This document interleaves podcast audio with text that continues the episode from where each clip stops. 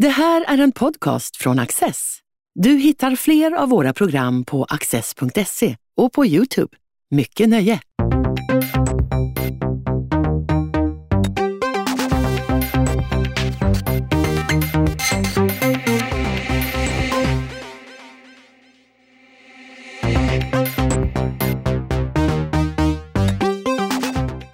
Vem var Sveriges första jude?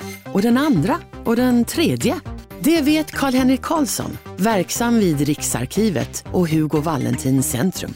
Han samtalar med Katta Neuding om judarnas historia i Sverige.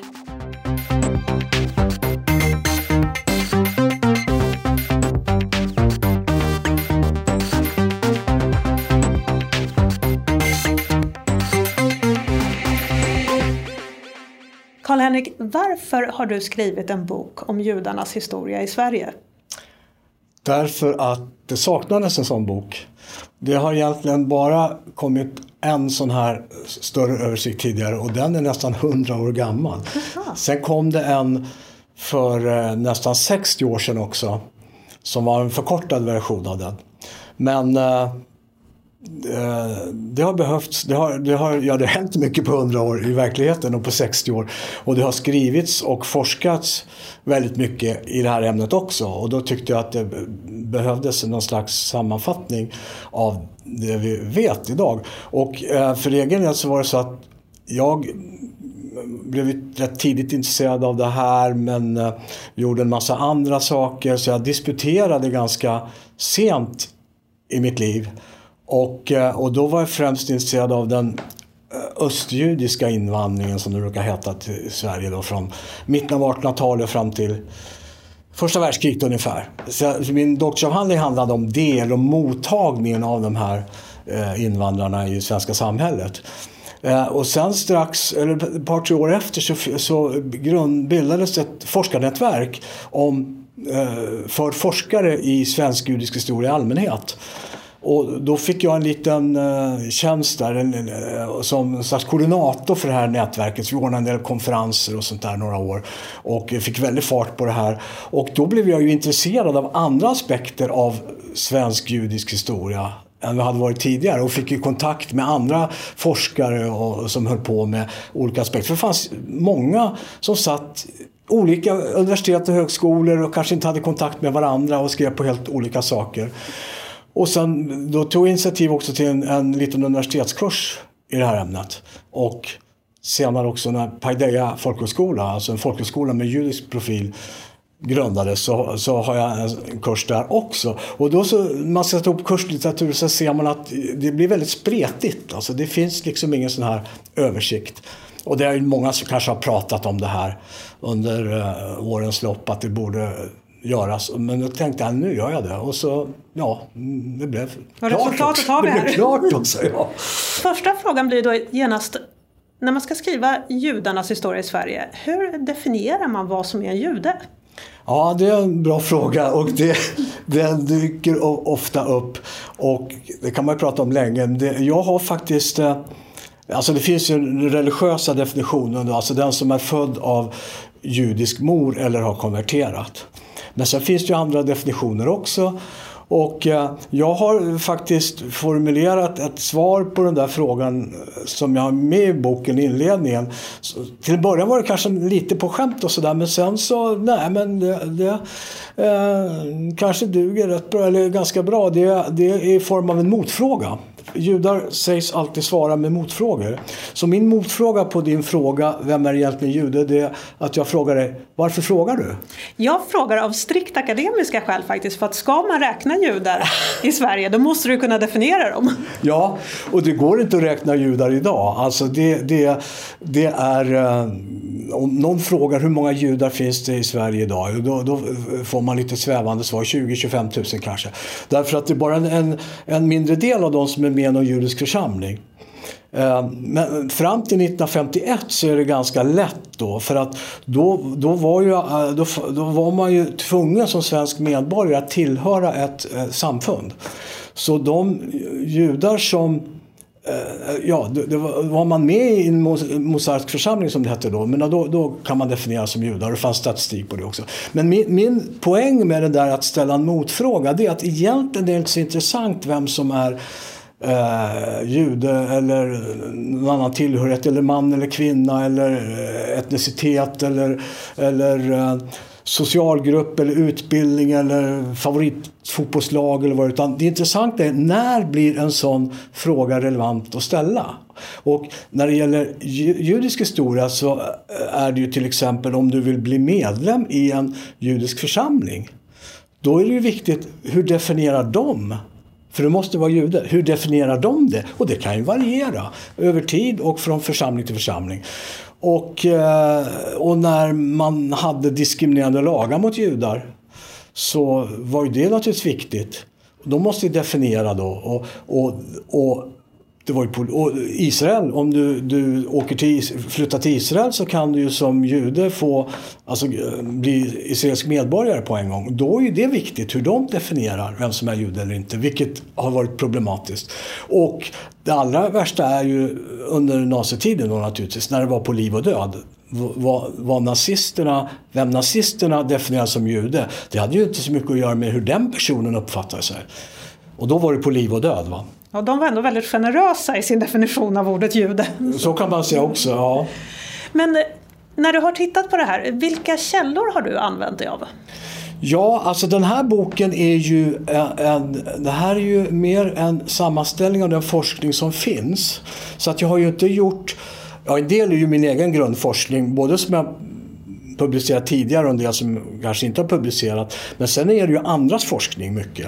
Så att, eh, så att, eh, men de har ju då så att säga, gått till källorna. Och jag är ju lite så här, gammal källfetischist. Jag vill ju alltid kolla uppgifter ordentligt va, så, eh, på gott och ont.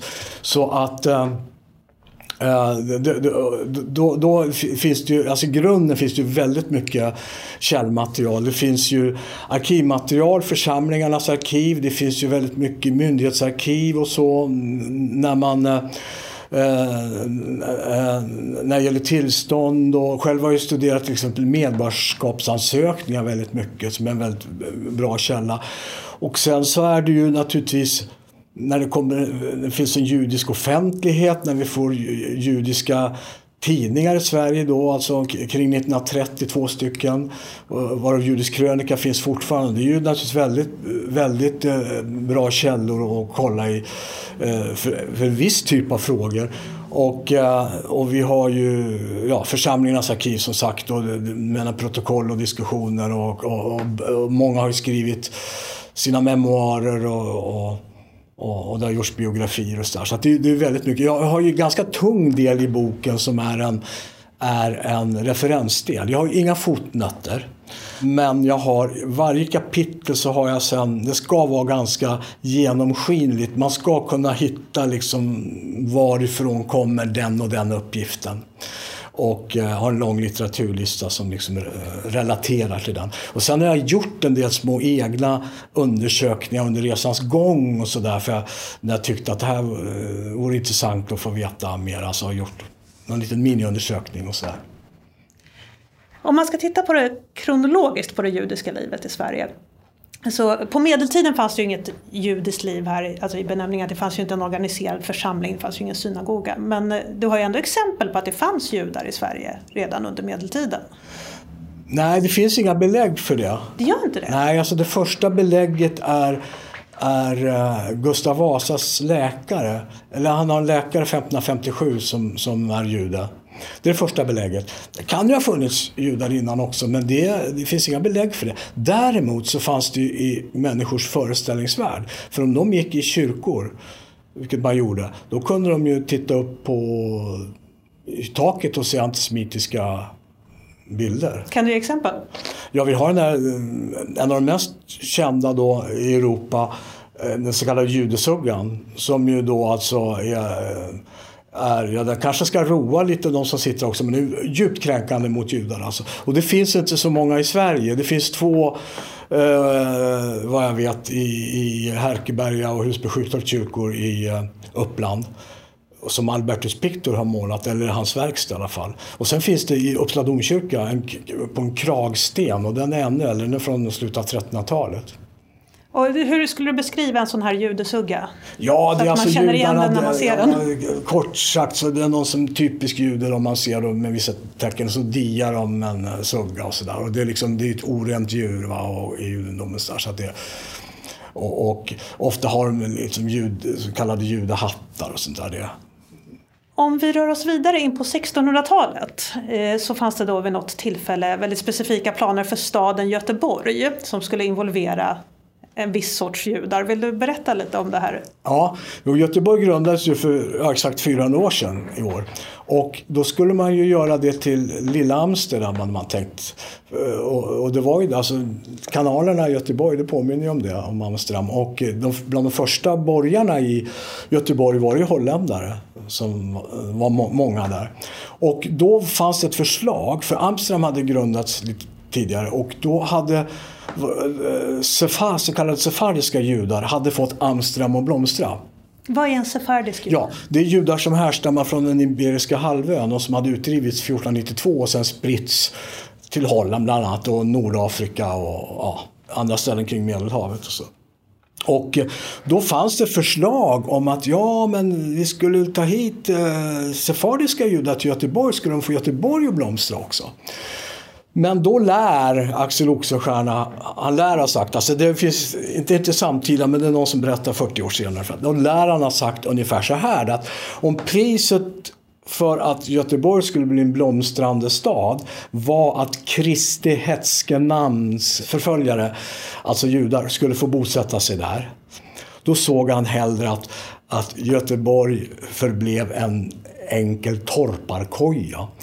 Så att alltså, och det var ju då den här eh, kristna eh, religiösa ortodoxins makt var så stark. Va? Så även om det här skulle vara gynnsamt för Sverige så om priset var att ta hit de här förskräckliga eh, Kristusförnekarna, nej då, då tar vi inte det. Och Eh, för man ansåg, och det kom ju senare sen, det var ju flera sådana här invandringsförslag då, och bland från nationalekonomer, att, att judar var bra på att få igång affärer, få cirkulation på varor och de hade bra kontakter i Europa. Medan det svenska näringslivet var väldigt trögt. Och det var mycket regler och sånt där. Så att det var liksom, det, det förekom ju sen sådana förslag och det var diskussioner men det var väldigt mycket fientlighet mot judar också. Dels från mm, kyrkans håll då men också från, kanske från, eller från handelsmän och sådär som var rädda att få konkurrens. Så att det dröjde väldigt länge innan, innan judar fick komma till Sverige. Ja, för hur såg lagstiftningen ut? Det var alltså inte möjligt för judar att flytta till... Nej. Alltså egentligen var det väl så att det var först genom 1685 års lag som det var, blev förbjudet. Men det var liksom bara kanske en... Ja, det var, hade varit så innan praxis. Va? Men eh, då slogs det väl fast mer. Men eh, eh, det har ju funnits enstaka judar på svensk mark ändå. Eh, som var här tillfälligt. Eller om de lät döpa sig. Då var det inga problem. För alltså det här var ju den, alltså antisemitism då, kanske ett anakronistiskt begrepp, men den var, den var ju mer riktad, eller enbart riktad mot religionen. Om någon lät döpa sig, då var han och hon upptagna. I... Då var det helt oproblematiskt? Ja, ja. I alla fall till en början. Så, så småningom kanske även döpta judar kunde bli utsatta för eh, antisemitism. Om vi då rör oss mot 1700-talet när Gustav III blev kung i Sverige. Ja. Förändrades lagstiftningen på något sätt då? Ja, vad som hände var att eh, Gustav III eh, han, eh, han blev kung och eh, han hade en helt annan inställning till det här som Axel Oxenstierna gav uttryck för. Dels var han påverkad av upplysningsidéerna och sen så var han påverkad av de här nationalekonomerna som sa att det, det, det vore kanske bra att få, få, få hit judar för de, man hade föreställningen om att de skulle kunna få fart på, på varudistribution och så. Och den som först verkar ha föreslagit det här det är Gustav IIIs mamma, Lovisa Ulrika. För hon var ju då drottning av Sverige och hade som drottning hennes kung Adolf Fredrik, de hade ju ingen större makt. Va? Gustav III tog ju sin makt sen genom en slags statskupp. Men hon var ju syster till Fredrik den stora av Preussen som var liksom Europas stora härskare. Hon var och hälsade på honom och dels så pratade hon flera timmar med Moses Mendelssohn som liksom var den stora eh, intellektuella juden då. Och sen så, så kom hon i kontakt med judiska köpmän som hon gjorde affärer med. Och de, eh, de lät henne förstå att om vi skulle kunna få bosätta oss i Sverige så skulle vi gärna göra det. Och så hon föreslår det i ett brev till Gustav III.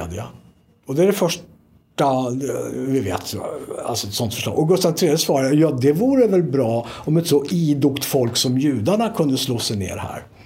Så det eh, har skett en väldig skillnad här. Men det var in, gick inte så långt att man liksom bjöd in någon att komma. Utan vad som händer då på andra hållet så att säga, det är att en man som heter Aron Isak som är nere i, han är född 1730 eh, i Brandenburg, åtta mil utanför Berlin. Han har hamnat i, i, flyttat till Mecklenburg och försöker försörja sig som sigillgravör. Han är självlärd mer eller mindre. Mm, eh, eh, och, och han, eh, han eh, Ja, han bosätter sig där och får en del uppdrag och så. Och sen så utbryter kriget där. Och Sverige blir indraget i det pommerska kriget. Och då kommer en massa svenska officerare dit. Och de är lite fåfänga så där vill ha sina vapen inristade. Och, och, så han får jättemycket uppdrag av dem.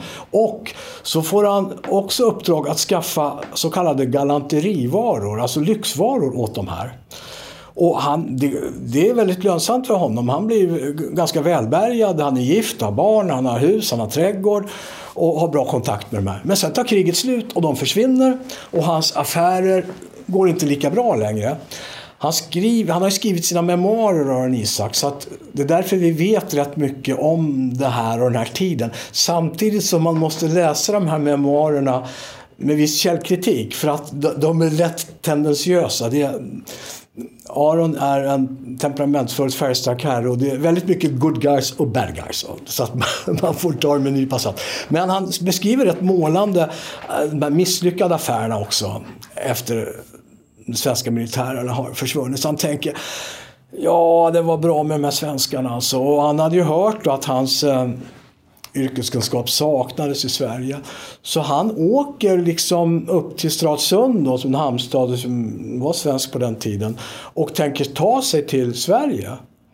Och han får eh, rekommendationsbrev och så i Stralsund, Och eh, inresepass och sånt där. Men det är fortfarande inte tillåtet för judar att bo i Sverige. Och, men, men alltså hans han gör det här lite i smyg. Så hans fru blir alldeles förtvivlad. Och hans bror blir urförbaskad och, och liksom, är du inte klok? Ska du lämna fru och barn och du har det ju bra som du har det och åka upp till Sverige, ett kallt land uppe i norr där de... Där du inte ens får vara. Där, precis, där finns det inga judar. Där får ju inte judar vara. Och det är kallt och de pratar inget språk säger han, vilket vi väl visst gör. Men han tyckte väl att svenska inte var något språk. Men, och det är till och med så när han är i Stratsund och ska gå ombord på postbåten där till Ystad. Då kommer Stratsunds judar och försöker hindra honom och övertala honom, till och med ombord på båten. Men han var ju en envis rackare så att han, nej, han åker, han åker och, och själv upp till Eh, Skåne och så stannar han där ett tag, eh, några veckor. Sen åker han upp till Stockholm och får bra kontakt med överståthållaren som heter Karl Sparre. Och han gör en ansökan om att få bo i Sverige då eh, permanent. Och det är någon som säger att det vore ju lättare om du, om du lät döpa dig. Nej, det går jag aldrig med på, säger han själv i sina memoarer. Det, det, det går jag inte med på. Jag vill vara här ändå. Och eh, det tar ett år och det är märkliga byråkratiska processer. Man förstår att han blir väldigt förvirrad. Alltså det är väldigt mycket dubbla budskap. Men efter ett år så får han tillstånd, han och två andra, att bo i Sverige. Eh, och, som så kallade skyddsjudar.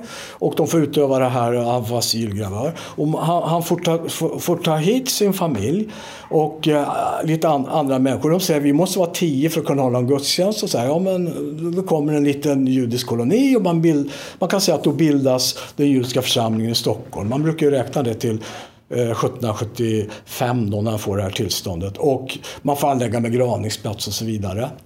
Men, men däremot så är det ju så att eh, man inser väl kanske att man behöver ett mer permanent tillstånd. Det här är liksom mer personliga tillstånd. Och eh, man vill ha något mer stabilt som är oberoende av att kungen nu, Gustav III råkar vara eh, positivt inställd till judar.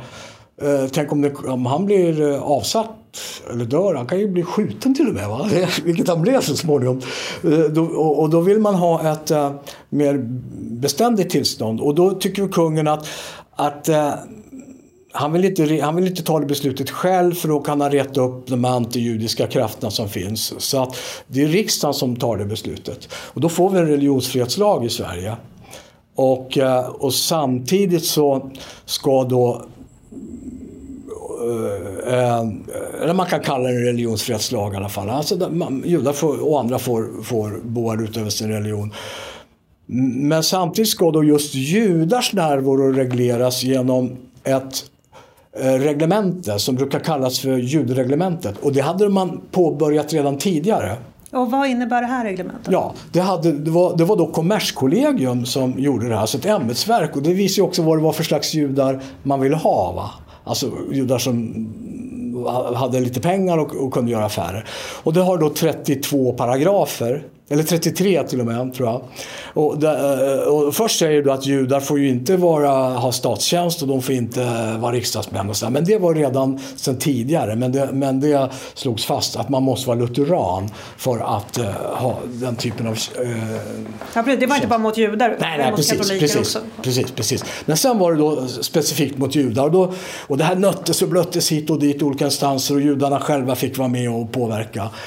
Och man fick bara bo i tre städer i Stockholm, eh, Göteborg och Norrköping. Och man fick, eh, eh, man fick bara utöva vissa yrken. Man fick vara till exempel grosshandlare och detaljhandlare men inte gårdfarihandlare. Man fick inte idka hantverk som låg under skrå. Det hade det hade föreslagits men det hade, man har väl tagit hänsyn till skrå, skråna då alltså som, som inte ville det här. De ville inte ha den här konkurrensen. Och det där var lite olyckligt därför att, att man inte fick ha det. Därför att det var ju ganska många yrken som man inte kunde utöva då. Och, och det var en del hantverk som inte tillhörde de här skråna. De kunde man få ut, eh, utöva. Men de var väl kanske mer udda och kanske inte lika mm, eh, lönsamma. Och sen så var det, ja det var en massa saker, va? vad man fick göra och inte göra. Och man fick ju bara gifta sig med trosfränder. Man behövde dock inte ha några särskilda igenkänningstecken. Det var förslag om det, för det fanns det i vissa länder att man skulle ha, männen skulle ha hattar med vissa färger och kvinnorna skulle ha märken och sådär. Men det gick inte igenom. Och sen skulle man ha ett ganska stort kapital också. Eh, sen om det, i vilken utsträckning, ja det fanns undantag mot det. Eh, och Aron Isak säger ju själv då att när han, eh, när han läste det här resultatet så sa han det här kommer aldrig gå. Vi, vi, det är alldeles för hårda krav. Då sa Sparre, men det ordnar sig. Liksom. Vi kanske kan se mellan fingrarna med det här. Va? För att det var ju, var ju en kompromiss det här. Va? Men det var mer formalia än vad det faktiskt var realitet? Ja, alltså det är kanske inte riktigt undersökt men, men, men alltså, kungen och ämbetsmännen var ju mer positivt inställda. Men sen fanns det ju hela den här opinionen mot judar så det blev liksom ett kompromiss kompromissförslag. Nu, ska säga, nu, nu pratar vi väldigt mycket 1700-tal ja. och din bok är ju, den går ju ända fram till idag. Ja. Så jag tänker göra ett jättehopp i historien nu innan tiden ja, springer precis. ifrån oss. För det är svårt att prata om judarnas historia i Sverige utan att ta sig en liten titt i alla fall på 1930 och 40-talet. Ja. För då vet vi ju vad som pågick i Europa. Vad, vad hände här? Och alltså 1933 då när, när nazisterna tar makten i Tyskland då blir det en väldig press på, ja, dels på de judar som är, eller framförallt på de judar som är i Tyskland, det är en halv miljon ungefär. Eh, man börjar ju genast med eh, med eh, alltså diskriminerande lagar och bojkotter och för Nürnberglagen 1935 och så. Och eh, på de svenska judarna blir det också en press. Och, och eh, eh, dels har vi flyktingfrågan då som, som till en början kanske inte sådär eh, Sverige där väldigt attraktivt för eh, tyska judar att komma till. Men, men, eh, men eh, Det är ju ändå många som vill till Sverige. Och svenska staten ställer ju inte upp med några pengar till en början utan eh, om, det är väldigt, Sverige har en väldigt restriktiv invandringspolitik mot judar som i princip alla länder har. Va? Det, det, man pratar oj det är hemskt det här men det är liksom ingen som vill eh, göra något rejält. Och, eh, eh, och allt sker ju inför öppen ridå fram till, till krigsutbrottet, alltså vad som hände i Tyskland. Det kan man ju läsa om i tidningarna och så. Och eh, de, det kommer ju ändå i storleksordningen 3000 eh, judiska flyktingar till Sverige från 1933 och fram till krigsutbrottet. Och då var ju en förutsättning dels att de skulle kunna försörja sig i Sverige och sen var tanken att de skulle vara här tillfälligt och sen resa vidare till något annat land. Och för att försörja eh, för att då kunna ha försörjning i Sverige så eh, ja, då måste ju någon garantera det. Och en del hade kanske personliga kontakter, de kunde släktingar som kunde garantera den här eller andra. Men sen uppstod ju då ett antal hjälporganisationer också. Och för judar eh, var ju då de mosaiska församlingarna, de judiska församlingarna var ju de viktigaste. Så de fick ju då eh, samla in pengar bland sina medlemmar och också så småningom ta av eh, församlingsbudgeten. Då fick man höja skatten och sådär. Och sen ska, ska man säga det också att de som var politiska flyktingar eh, de, de, de hade det lättare. Så, och en, bland Eh, en del av dem fanns ju judar också och de kunde också få hjälp till exempel av arbetarrörelsens flyktinghjälp. Eh, men, eh, men det var ungefär 3000 kanske och ett sätt, det som kom kom genom kvoter. Man förhandlade fram då, de två största var ju dels eh, eh, Eh, barnkvoten, alltså ensamstående barn som kom då och som var en del av en större. Och sen var det här i, eh, i, eh, som fanns i Tyskland då, och, och som som alltså det var uh, ungdomar som skulle komma till Sverige, eller till andra länder också, till Sverige och få utbildning i jordbruk. För att sen efter 18 månader åka till Palestina och liksom bygga upp den nya judiska identiteten där med kroppsarbete och sådär. Men de, en stor del av de här stannade kvar i Sverige hela eh, kriget och blev kvar. Återigen ett stort hopp i historien. Ja. Fram till ditt sista kapitel. Vi måste röra oss framåt för tiden ja, ja, ja. börjar springa ifrån oss. Eh, ditt avslutande kapitel i boken heter en jude läser gärna judisk krönika men inte på bussen. Ja. Och det här handlar om judarnas minoritetsmedvetande. Ja. Vill du säga några ord om judars situation i Sverige idag? Om antisemitism och hur antisemitismen ändå har förändrats över tid och sådär. Jo, alltså det, det finns ju ett starkt minoritetsmedvetande hos många. Det finns ju enorm, det har hänt enormt mycket bara på de senaste decennierna med intresse för judisk historia, judisk kultur, eh, judiskt tankesätt och allt sånt där. Och, och det sker ju väldigt mycket aktiviteter. Numera inte kanske så mycket i synagogan och så, det sker där också. Utan nu är det på andra ställen och, och, och, massor med föreningar och så. Det har ju funnits tidigare med men det har väl blivit ännu mer nu. Och, eh, och det är ju många judar som är intresserade men även väldigt många icke-judar. Och flera av dem är ju sådana som själva kanske har judiskt bakgrund ett par, tre generationer tillbaka utan att de själva har någon mm, något i uppfostran, i alla fall direkt. Men som är lite intresserade av, av sin bakgrund. Men sen är det många som inte alls har det också. Så det har ju, det har ju blivit väldigt mycket med Judiska museet och, och, och, och eh, judisk kultur och, och, och limud och, och paideia eh, institutet för alltså, utbildning av judiska ledare och folk, Paideia folkhögskola och fler, eh, många andra. Men samtidigt det här med att man läser gärna judisk krönika men inte på bussen. Det, eh, eh jag är inte säker på var jag, var, var jag läste det där någonstans men jag tyckte det var så bra liknelse. För att, alltså, att man, man, man vill gärna, man är gärna med och, och gör man trygg så pratar man gärna om det men man vill kanske inte skylta om det på bussen. Och, och man, man, vet att många döljer och man har Eh, judiska symboler och så på sig så, så kanske man inte alltid är bekväm med att visa det i alla miljöer. Precis, det var just därför jag själv reagerade på den formuleringen, att jag tyckte ja. den var väldigt träffande. Karl-Henrik, stort tack för att du har kommit hit och pratat med mig. Det här har varit jättespännande. Tack.